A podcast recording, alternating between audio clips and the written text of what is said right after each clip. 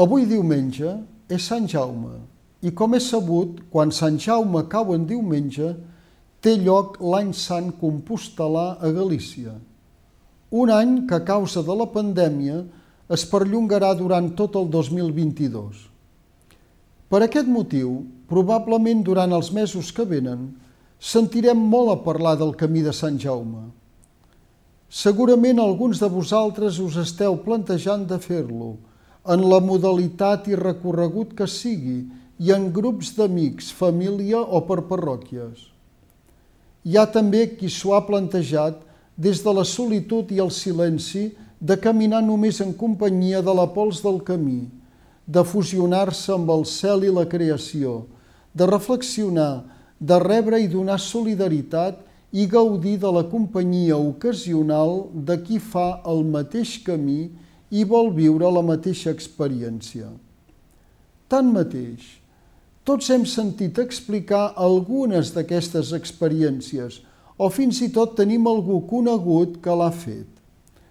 I gairebé tots els casos, l'experiència ha resultat especial. El camí et canvia, no tornes igual. El camí t'ajuda a trobar-te tu mateixa o el tornaré a fer diuen molts. Seguir pels camins de Sant Jaume amb la idea de cercar una experiència espiritual única és una decisió important. Es tracta d'un pelegrinatge i cal preparar-lo, cal preparar-se i sobretot cal posar-se en mode de cerca. Hi ha un camí físic que es fa pas a pas, quilòmetre a quilòmetre, però hi ha un camí espiritual que és interior, personal i únic, on es busca la connexió amb el nostre interior, amb la llavor de Déu que portem en el nostre cor. Qui pelegrina té davant seu una gran metàfora de la vida que li permet deslliurar-se de tot i cercar l'experiència necessària des de l'anonimat i lluny de les etiquetes socials, laborals o religioses. De fet, podríem dir que qui pelegrina a Santiago porta la seva vida i els seus anels a l'esquena en aquella petita motxilla.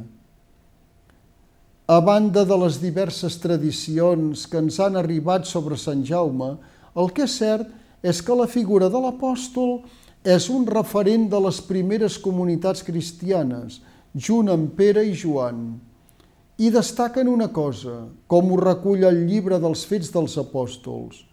Jaume, malgrat possibles reticències inicials, es decanta decididament per la universalitat de la fe cristiana, per l'acollida dels pagans i per obrir les portes a tothom. Trobem escrit en el llibre dels actes dels apòstols. Diu, per tant, soc del parer que no hem de posar obstacles a aquells pagans que es converteixen a Déu. Això ho diu textualment Sant Jaume. I en aquest sentit, l'experiència del camí de Sant Jaume té d'alguna manera aquesta dimensió universal. Som a les portes del mes d'agost, el mes que d'alguna manera marca la transició entre un curs i l'altre, que relaxa les nostres activitats pastorals i serveix per treballar les propostes futures. Pot ser també a casa, experimentem un mes diferent. És cert que en aquest any de pandèmia l'estiu tornarà a ser segurament diferent per a molts de nosaltres, però també pot ser una nova oportunitat de retrobament personal, de recórrer una mena de camí de Sant Jaume interior que ajudi a alliberar-nos de les pors que la pandèmia ens ha portat, de vèncer les dificultats que han aparegut a les nostres vides i d'afrontar les perspectives incertes que s'hagin dipositat en els nostres cors. Com quan fas el camí de Sant Jaume, en els moments actuals cal donar-nos permís per escoltar-nos a nosaltres mateixos i descobrir les respostes a les nostres preguntes més importants. Perquè normalment les respostes a aquestes preguntes les ha escrit Déu mateix dins els nostres cors. Estimats i estimades, us faig arribar el meu desig d'un bon estiu.